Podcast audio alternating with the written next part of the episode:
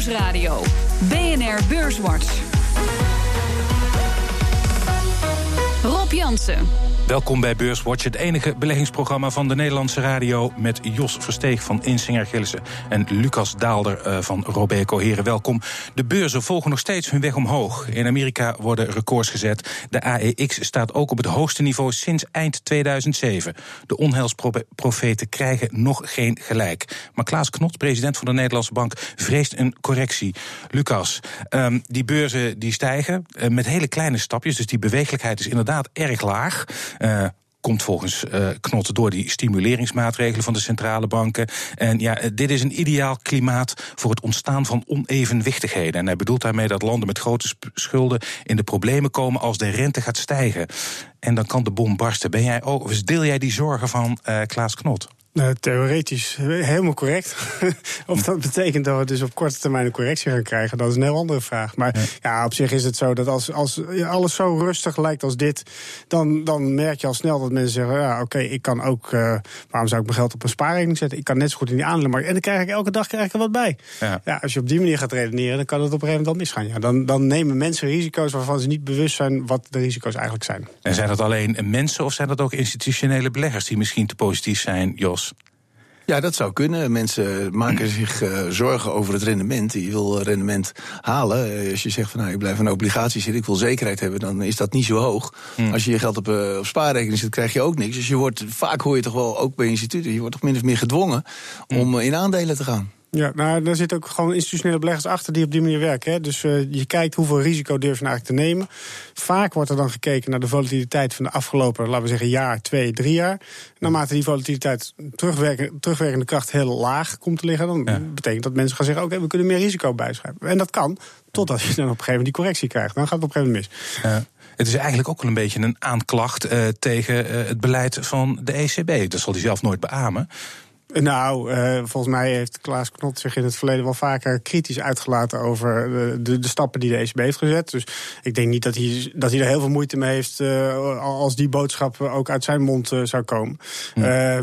maar hij is natuurlijk maar één van de vele presidenten van centrale banken die besluiten moet nemen. En hij is niet de enige. Ja. en de rest is kennelijk nog steeds van, van mening dat het huidige beleid heel goed is. Met name Draghi, die is erg tevreden met zijn eigen beleid. ja. ja, dat, dat is zo. Hoe kijk jij er tegenaan, Jos? Ja, ben je zelf kritisch over dit beleid? Van de, van de ECB? Van de ECB, nee, ik vind, dat, ik vind dat wel goed. Het gaat ontzettend goed in, in Europa. En uh, ja, je ziet bijvoorbeeld ook in Amerika dat uh, de centrale bank in Amerika zich ook wel enigszins zorgen maakt over uh, ja, die stijgende prijzen van activa. En dat is ook wel een van de redenen waarom we binnenkort in december toch nog weer een renteverhoging krijgen. Ja. En het is iets waarvoor je op moet passen, maar ja, als je toch ziet uh, de inflatie verder, buiten dan de uh, aandelenbeurs en zo, is die niet zo heel erg hoog. Dus het kan allemaal nog. Dus waarom zou je dan uh, preventief zo hard de rente omhoog doen bijvoorbeeld? Ja. Ik vraag me af, Lucas, als je nou, kijk, die ECB die koopt, een van de uh, redenen is, hè, er wordt 60 miljard per maand uh, aan obligaties opgekocht. Dat wordt waarschijnlijk volgend jaar afgebouwd. Uh, Tenminste, dat is, ja, is de verwachting. Ja. Is, is de ja, verwachting. Uh, wat zou nou een grotere impact hebben? Uh, het afbouwen van dat programma of later als bijvoorbeeld de korte rente weer wordt verhoogd? Wat denk je? Nou, uh, we zien het eigenlijk, of als het voorbeeld voor mij is, is wat dat betreft altijd uh, wat er in, in 2014 gebeurde. De, dat is de taper tantrum in Amerika. Daar zag je op een gegeven moment ook de, de angst ontstaan van oh, het afbouwen van het opkoopprogramma. Hè. Dus niet ja. waar we in Amerika nu al zijn, zijn we al een beetje terugdrijven van het opkoopprogramma. Het afbouwen, dat leidde tot heel veel paniek. Uh, ja. Met name de kapitaalmarktrente ging hard omhoog. Ja.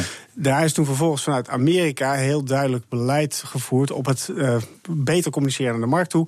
Uh, met de mededeling, jongens, die korte rente die gaat echt niet zo hard omhoog. En dat was eigenlijk hetgeen wat de rust gaf. Dus ja. voor de obligatiemarkt en de financiële markt is het uiteindelijk belangrijker dat de verwachting over de korte rente niet te ver omhoog gaat. Ja.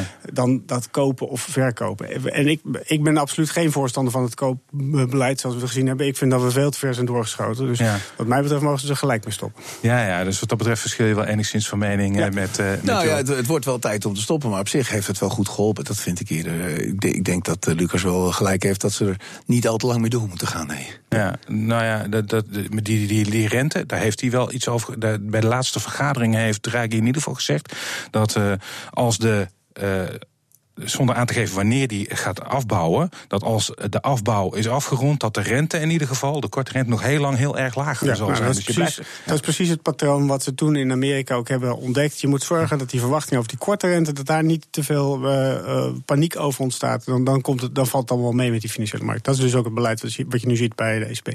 Ja. En dat is ook wel een van de redenen waarom je niet zo heel veel hoogtevrees hoeft te hebben. Want je weet dat die centrale banken voorlopig toch nog wel heel ruim blijven. En het gaat verder ook goed met de economie. Dus ja. dan heb je nog niet echt reden om je grote zorgen te maken. Ja, um, ja misschien uh, een terugkerend uh, probleem waar je misschien wel zorgen over moet hebben. Um, slechte leningen in Europa. Dat is nog, er zijn nog veel banken in Europa die slechte leningen hebben. Um, de ECB die wil de regels voor slechte leningen gaan aanscherpen. Uh, dat banken meer voorzieningen moeten treffen. Die uh, plannen die zijn uh, met name in Italië niet goed ontvangen, Lucas. Um, maar hebben ze misschien niet een punt in Italië? Moeten, moeten, is het wel verstandig om daar nu in te gaan vroeten? Moet je ze niet gewoon de tijd geven? Nou ja, eh, en dat zal waarschijnlijk ook wel weer de uitkomst zijn. Dat het een soort van, uh, we duwen wat in die richting, we worden wat teruggeduwd en stapsgewijs gaan we, gaan we de goede kant op. Hmm. Uh, ik, ik denk dat het inderdaad niet heel veel zin heeft om hier uh, nu opeens keihard beleid te gaan voeren. Je, als, je, als dat tot gevolg heeft dat daarmee de hele bankensector in problemen komt, dat heeft, hmm. werkt alleen maar averechts. Hmm. ik denk tegelijkertijd dat het signaal wel terecht is. Italië heeft een probleem. En wil je op een gegeven moment als, als eurozone echt verder willen, dan dan moet je toch echt wel zorgen dat het probleem wordt opgelost. En dat zit met name aan die bankenkant. Ja. Uh, dus daar moet wel degelijk moet daar ook wat, wat ja, uh, actie ondernomen worden. Er moet wat pijn genomen worden. Ja. Uh, dus dat daar wat druk opgevoerd wordt, dat zie ik ook wel. Ja.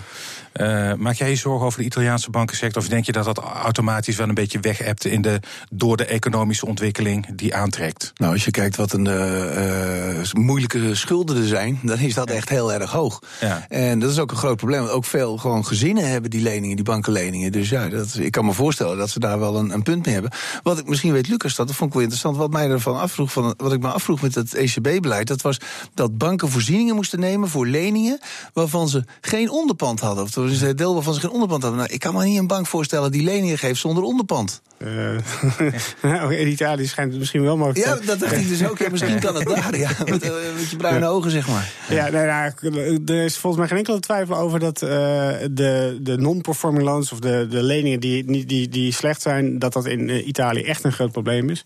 en juist, oh, dat is dan altijd de, de geëigende uitspraak van... god, je moet het dak repareren als het mooi weer is. Ja. Nou ja, die economie in Europa die draait nu wel een beetje. Dus dit is wel het moment om daar eens een keerje echt... ja, een goede, goede start mee te maken. Mm. Dus qua timing snap je het. Uh, je moet niet verwachten dat dit op korte termijn opgelost is. Dus het wordt meer een soort van duwen, duwen, pappen, nat houden. En dan hopen dat het op een gegeven moment zichzelf met de tijd oplost. Ja. Ja, dat is, uh, ik, We horen twijfel bij je. Nou ja, ik, er is laatst. Ja, ik, ik, wat, waar ik ook aan denk is. Uh, er is uh, afgelopen week ook een rapport gekomen. Ik meen van het IMF. over de schuldenberg. niet alleen in Italië, maar over gewoon het schuldenniveau in de westerse wereld. is eigenlijk hoger dan voor de crisis. Ja. dat is wel zorgwekkend. Ja? Uh, oh, ja, je, nou, dat weet ik niet. Ja, niet.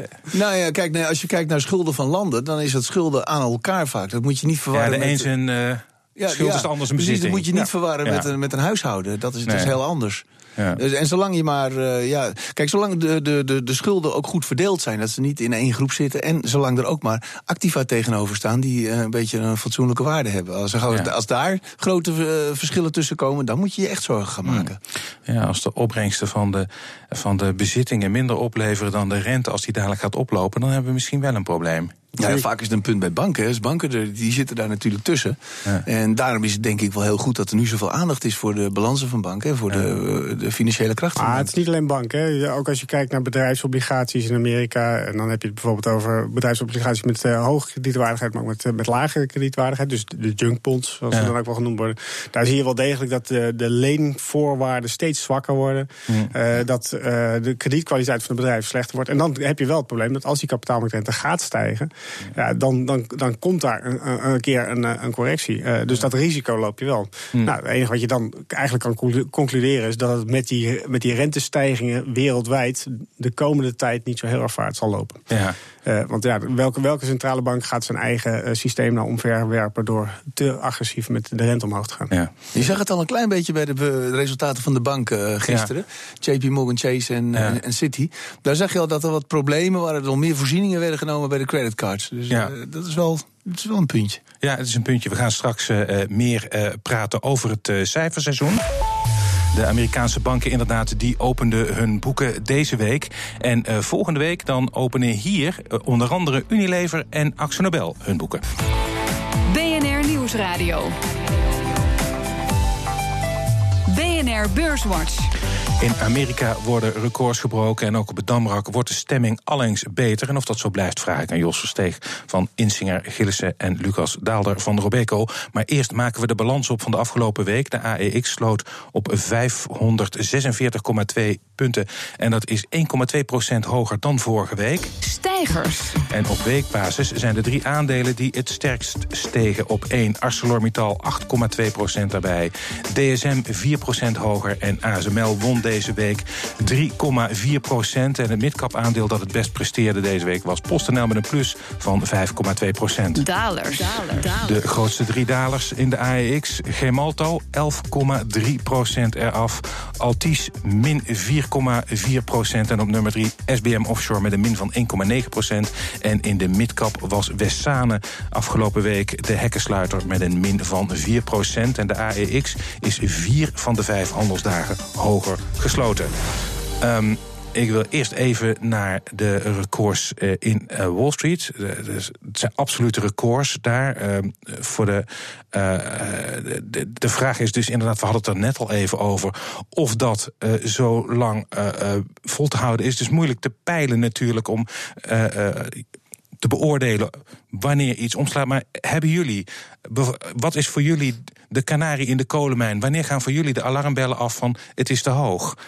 Heb jij die? Nou, als ik kijk naar Amerikaanse aandelen, vind ik het eigenlijk al te hoog. Maar uh, dat neemt niet weg dat, dat je. Ja, kijk, eh, de, de beurs is natuurlijk iets wat ook heel erg veel op sentiment gedreven is. Ja. Uh, dus puur fundamenteel zou ik zeggen, je moet er eigenlijk al afscheid van nemen. Ja. Maar uh, als je puur kijkt naar, naar het, met name het momentum achter die opgang.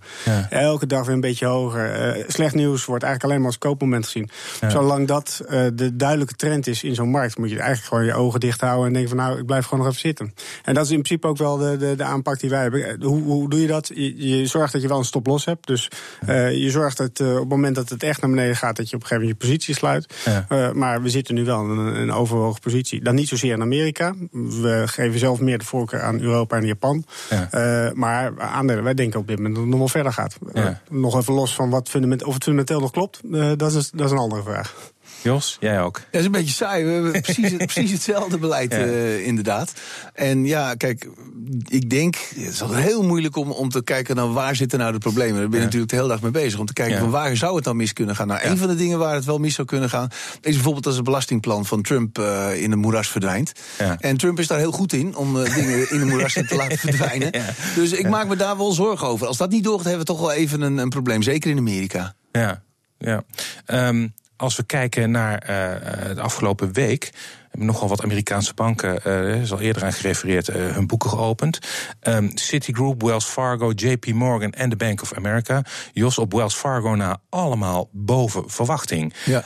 Um, is er één rode draad in aan te wijzen? De rente ja, ja, je ziet duidelijk dat uh, het renteresultaat uh, onder druk staat. Hè. Daar, uh, daar zie je dat de leningen toch niet zo heel hard meer groeien. Vind ik ook wel een beetje een slecht teken. de rentemarge, de korte rente is, is, is, en, en de lange rente, dat ligt heel dicht bij elkaar. Dus we verdienen hm. banken weinig, weinig geld. Dat is een probleem. Maar je ziet bijvoorbeeld ook de FICC, de, de trading hè, van de fixed income en currency en, en, en olie en dat soort zaken. Dat, omdat die volatiliteit zo laag is, daarom verdienen ze er ook heel weinig mee. Dus die banken moeten vooral het hebben van kostenverlagingen. En de creditcards, dat ging wel, wel goed. Ja. En als je dan kijkt wat ze zeiden over het vierde kwartaal, ja, dan waren ze niet al te positief. Uh, dachten ze, ja, dat, die problemen bij FICC, dat hm. blijft nog wel even. Hm. En je zag ook wel dat na beurs de, de koersen daar niet al te positief op reageerden. Je moet niet vergeten dat die aandelen van banken hartstikke hard gestegen zijn het afgelopen jaar. Ja, nu hebben ze structureel wel de zaken mee van.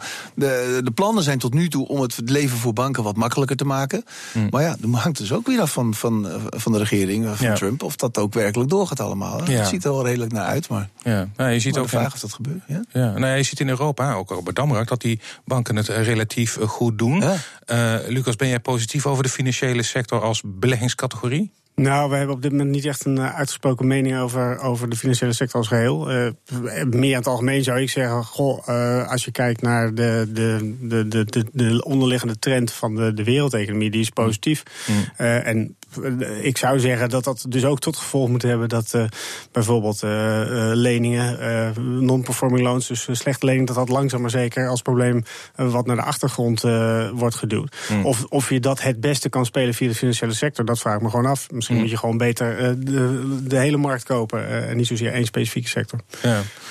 Jos, ik weet niet of jij het uh, nog hebt gezien. BlackRock, dat is de allergrootste vermogensbeheerder ter wereld. 6 biljoen dollar bijna beheren ze. Uh, ook met cijfers gekomen. Zag er ook fantastisch uit. Ja. Uh, vooral door de populariteit van ETF's. Die geven ze in grote mate uit. Is dat iets waar je vind jij dat ook een interessante ontwikkeling die jij volgt of die beleggingskansen biedt? Als je het op zo'n manier vraagt aan een aandelenanalist, dan zal ik zeggen nee natuurlijk. Nee. En dat is mijn werk om individuele aandelen te selecteren. Ja. En ja, het ligt er een beetje aan. Ik denk als je een belegger bent die niet te veel kopzorgen wil hebben, ja. dan, dan, kun je zo'n zo, zo tracker kopen. Ja. En je ziet ook wel dat de populariteit daarvan toeneemt. Mm. Ze zijn vaak heel goedkoop. Je moet wel even goed opletten wat je koopt.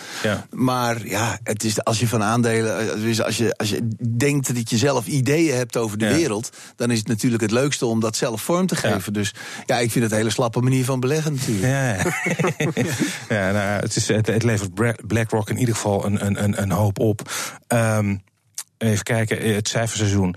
Um, in Amerika op gang gekomen. Volgende week uh, komt dat in Nederland ook goed op gang. Axonobel, Unilever, ASML, Philips Lighting, TomTom.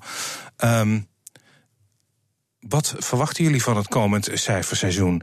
Uh, denk je dat de cijfers gaan meevallen, grosso modo, in trend met de economische ontwikkeling, Jos? Wat je veel ziet is dat ze meevallen. Want dan gaan bedrijven, voordat, net, voordat de cijfers komen, gaan analisten vaak een beetje de taxaties naar beneden brengen. Uh, bedrijven zijn dan best voorzichtig.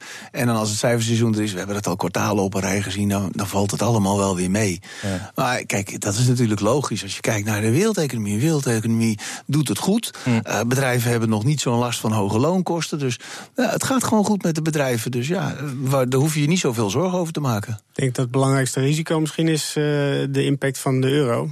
Ja, dus in hoeverre dat al meegenomen is in de schattingen van de analisten, dat vind ik altijd moeilijk om in te schatten. Maar, maar dat, is natuurlijk, dat is natuurlijk een pijnpunt. De euro is behoorlijk een stuk sterker geworden.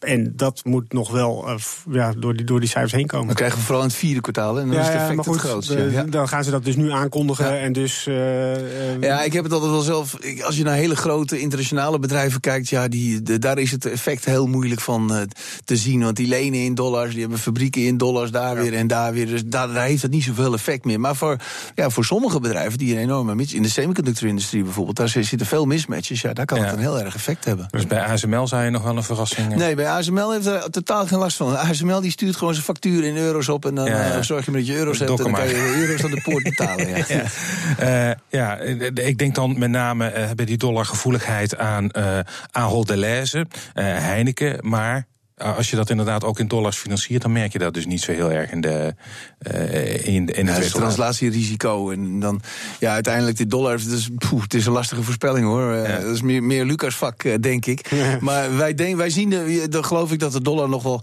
ietsjes, ietsjes weer kan, kan aantrekken. Maar ja, echt, uiteindelijk, als je, als je het mij persoonlijk vraagt, denk ik van ja, als, als er toch wat, wat sneller een rentestijging in Amerika komt en dat zo goed blijft gaan in Amerika, zou die dollar moeten aantrekken. Ja, maar dat denken we eigenlijk al de hele tijd. Nee, het gebeurt maar niet. Precies. Ook daar geen kanarie in de kolenmijn, de, de, de, de onevenwichtigheden, die, die, die, uh, die houden maar aan. Um, uh, over, over disbalans, uh, dan heb ik het niet over even, maar disbalans, de bitcoin, daar wil ik het heel kort even met jullie over hebben. De meeste analisten die ik spreek, die willen er niks van weten. Het is... Uh, Wat? maar, mooi. Geld verdiend, ik, zag toevallig vandaag een onderzoek. Er zitten meer dan 100.000 gezinnen, huishoudens, al in die bitcoins. En hij, gaat, hij is deze week weer van 4700 naar 5700 dollar gestegen. Lucas, afblijven of... Oh, ik zit erin, maar dat, dat zit ik al de hele tijd. Dus uh, de, ik, de, eerlijk gezegd, maar dit is een anekdote. Uh, ik heb dat ding, uh, weet ik wel, een paar jaar geleden gekocht. Gewoon omdat het, het was zo'n nieuw hotnet. Ja. En ik dacht, dat moet ik toch doen. Ja. Staat ergens op een laptop die misschien nog wel werkt, misschien niet werkt. Maar ik heb alle updates die je in die tussentijd had moeten doorvoeren, heb ik niet gedaan. En als je nu alle blogs leest, dan, dan krijg ik het gevoel dat ik door allerlei hoepeltjes moet springen om dat ooit nog te kunnen verzilveren. dus ik, ik, ben heel rijk, maar uh, op papier zou ik zeggen.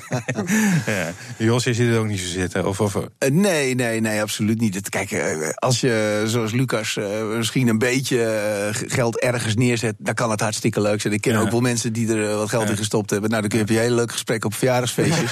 ja. Maar voor een serieuze belegging moet je er echt heel ver weg van blijven. Want weet je wat het probleem ook is? Van, regelgeving heeft daar enorm veel invloed op. China heeft al een keer gezegd van, nou, wij, wij, zien het eigenlijk niet zitten, we willen het afschaffen. Hup, gaat de koers stevig naar beneden. ook gaat gebeuren. Diefstal is een probleem. Dus. Ja, hetzelfde volatiel. Uh, ik heb wel eens een keertje iemand gehoord die zei van, nou, neem gewoon 1% voor in je, in je portefeuille op. Maar als je dat doet, dan moet je ongeveer elke week gaan herbalanceren. Want die 1% die gaat alle kanten op. Even heel kort, want we zijn alweer bijna aan het einde. Jullie mogen ook een tip meegeven wat beleggers wel moeten doen. Lucas, wat is jouw tip voor de luisteraar? Nou, uh, ik dacht dat we het ook nog over Japan gingen hebben. Dat hebben we niet gedaan, dus dan ga ik dat nu maar uh, erin gooien. Mijn tip zou inderdaad toch wel zijn uh, Japan. Ik, ik uh, zie allerlei voordelen om op dit moment overwogen Japan te zitten. Ja, Japanse aandelen. Japanse aandelen zijn echt relatief goedkoop. Uh, je ziet de verkiezingen, dat geeft een beetje wind in de rug. En ja. je ziet ook daar de winstherzieningen zijn positief. Dus ja. Japanse aandelen. Jos? Ik blijf lekker dicht bij huis. Uh, Aal de Lezer, dat vind ik echt een aandeel wat veel te ver is afgestraft. Moet je wel wat geduld hebben, maar koop het dan maar. En over twee of drie jaar dan... Dat zal mijn collega leuk vinden. ja? Die zit er al tijden in. Ja, dat kan. Het is inderdaad, het is dit jaar na Gemalto de grootste daler, oh, hier te date. Uh, Ahold uh, heeft uh, 21,3% verloren.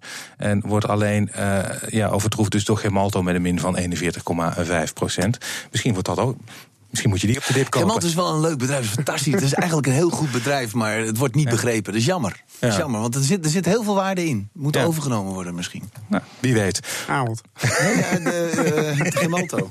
Ja, nee, door Ahold. Ahold ook trouwens. Ja. Uh, we zijn hiermee uh, aan het einde gekomen van deze aflevering van Beurswatch. Ik dank mijn gasten van vandaag. Jos Versteeg van Insinger Gillissen en Lucas Daalder van Robeco. Volgende week is er weer een Beurswatch. Deze uitzending die kunt u nalezen luisteren op de website van BNR of via de BNR-app. En heeft u nog vragen, dan kunt u mailen naar beurswatch.bnr.nl of een tweet sturen naar Rob Dank voor het luisteren.